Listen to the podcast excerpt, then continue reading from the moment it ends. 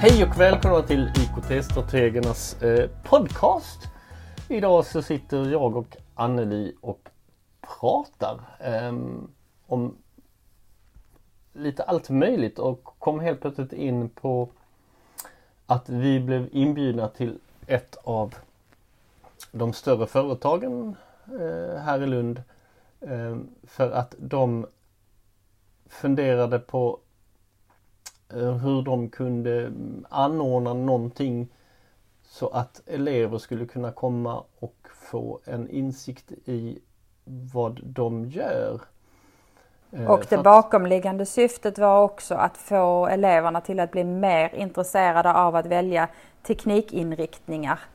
Mm. Eh, så niorna blir intresserade av att välja inför gymnasiet och på gymnasiet kan man göra sina val kring ingenjör till exempel och så här. Mm. Ja, och att en ingenjör, ja vi, vi kan ju avslöja, vi har avslöjat så mycket att det rör sig om ett, ett tekniskt företag.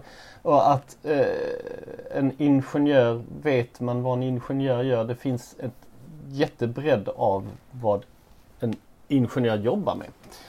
Det finns ju ehm. alla möjliga sorters ingenjörer. Alltså, det mm. räcker inte att säga jag jobbar som ingenjör utan som sagt det är olika. Men, men i det här läget, och eftersom vi blir inkopplade så handlar det om digitalt och det handlar om programmering.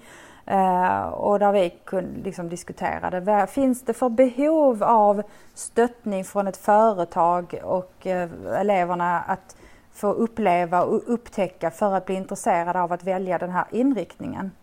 Eh, många företag tror nog att det handlar just om programmering. Eh, mm men vi eh, tycker då att det finns väldigt mycket utbud redan för barn och ungdomar kring programmering. Det finns eh, lite enstaka initiativ men det finns också Code Dojo som eh, är ganska utspritt över landet och i världen. Där de får programmera på den nivån där de befinner sig. Både med kodprogrammering, eller vad heter det, blockprogrammering och eh, och sen efterhand som de stegras vidare i sin utveckling. Mm. Så mm, vi börjar väl ganska snabbt med att säga att nej, det är inte det behovet skolorna har. Nej. Um, lite grann vad jag tänkte på det var ju det här att göra på riktigt uh, och att uh, få arbeta uh, med, med riktiga saker.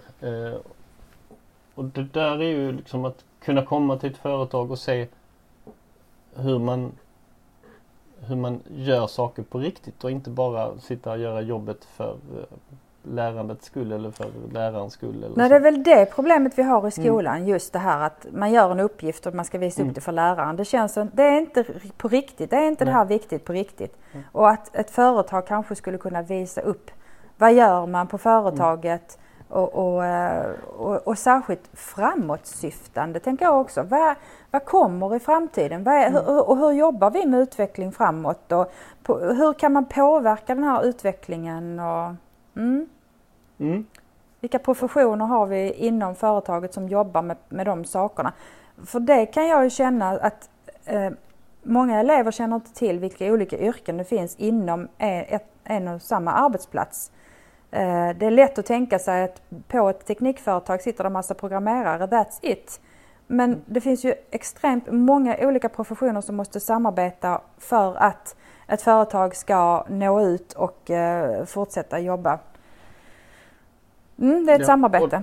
Och, och när det gäller den professionella programmeringen så eh, är det ju så att man jobbar ju väldigt ofta i grupp. Eh, man lånar och snor och omarbetar eh, eh, annans eh, material.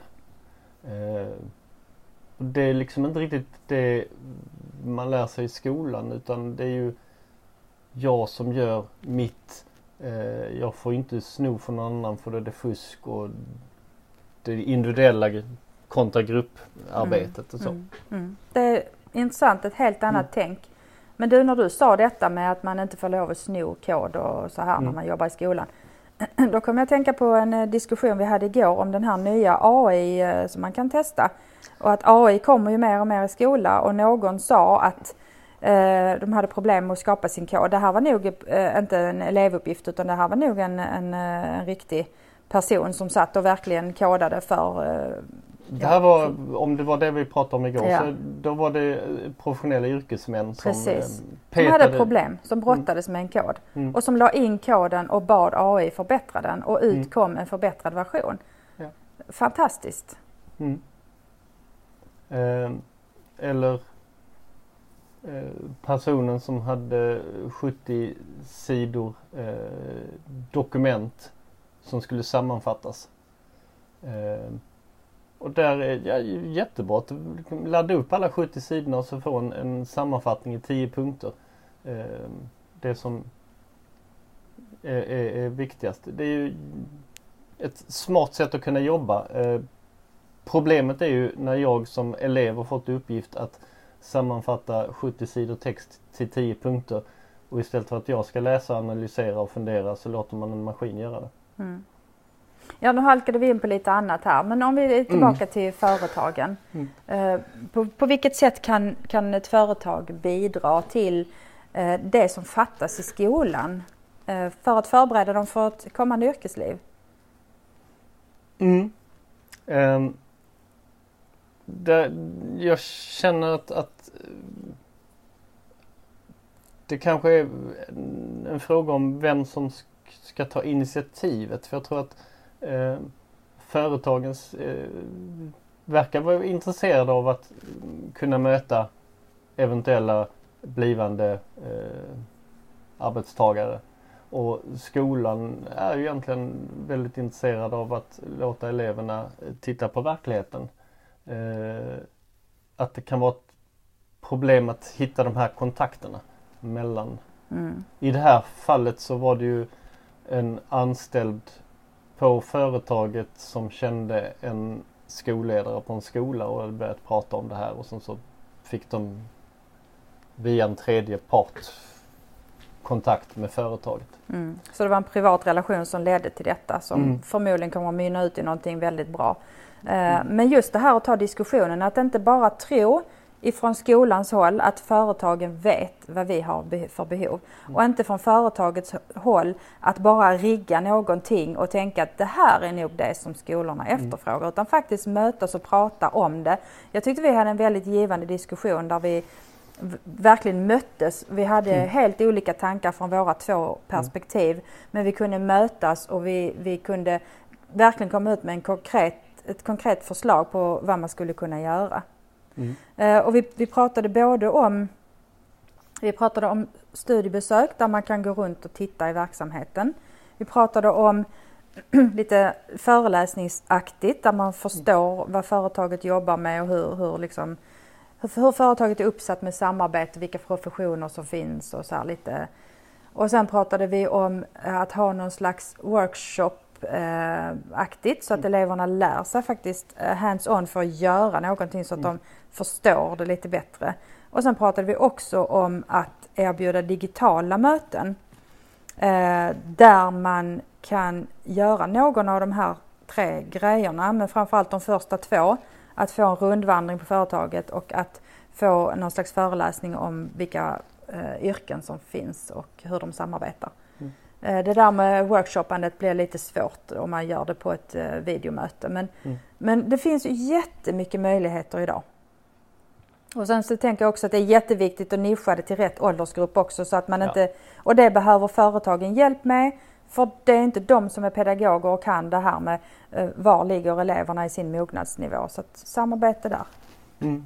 Sen dök det upp lite, lite hinder i, på vägen också när mm. man som företag kommer på att jaha okej okay, det hade varit jättekul om eleverna kunde komma runt och titta på vad vi gör och vi kan liksom locka, locka dem till ett, att välja ett tekniskt spår, ingenjörsspår. Men det vi gör här det är ju liksom lite hemligt konkurrenssituation. Eh, så att vi kan inte visa våra, ja. Men, men det intressanta var ju liksom att ja, det är hinder och hinder är till för att, eh, att, att, eh, ta sig mm. över.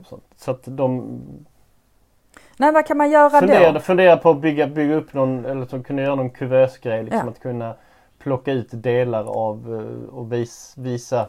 Det man får Så att visa. eleverna kommer inte för djupt in i företaget utan de kommer liksom till mm, entrédelen men att de kan plocka ut i entrédelen visa liksom köra. Mm. Mm. Det går att mötas och lösa på olika sätt, absolut. Mm. Ja, det var väldigt inspirerande. Hoppas, och jag hoppas att eh, det här eh, blir någonting av det här. Mm. Eh, Det lär det väl bli. Och jag hoppas också att det här sprider sig så att andra företag också inser att ja, det här vill vi också göra. Ehm, och liksom Tänk dig att företagen under en, en, höstlovet har en ja, en, eh, inte en, vad ska jag säga, inte en mässa utan en öppet husvecka liksom med program eh, som man kan anmäla sig till och så. Och jag tänker Mm. också, tveka inte som lärare att ta kontakt med ett företag för de är många gånger intresserade. De vill berätta om vad de gör för någonting. De vill nå ut. De vill få, få fler till att eh, på, på, alltså läsa till så de kan söka in på deras eh, arbetsplats senare. Att ta kontakt och kanske fråga, kan vi få till en intervju? För det måste ju inte vara en rundvandring eller någonting sånt. Bara få lov att koppla upp sig på ett videomöte. Man behöver inte resa dit. Det kan vara väldigt snabbt och lätt. Koppla upp sig för en halvtimmes möte där eleverna kan få ställa frågor. Vad jobbar ni med? Hur många är ni på arbetsplatsen? Eh, vad, vad behöver man för eh, utbildning för att börja jobba hos er? Ja, Mm det kan vara väldigt, det behöver inte vara så svårt. Och så att göra det viktigt på riktigt, nå ut eh, i verkligheten, inte bara jobba inom skolans fyra väggar. Och förbereda, det är ju det jag tänker hela tiden att skolan är till för. Att förbereda eleverna för det kommande yrkeslivet och eh, samhällslivet på olika sätt. Mm. Nej, men då tycker jag att vi rundar av det här lilla avsnittet. Ehm, tackar Anneli för sina tankar och så ses vi. Ja, jag tackar dig för dina tankar. Det är suveränt. Det måste jag bara säga också när du nu så tackade mig så tackar jag dig att det blir mycket bättre när man inte jobbar ensam. Mm. Tillsammans, vi har olika perspektiv eh, och eh, kan nå så mycket längre. Tack så mycket. Vi eh, hörs i nästa avsnitt. Hej hej! Hej!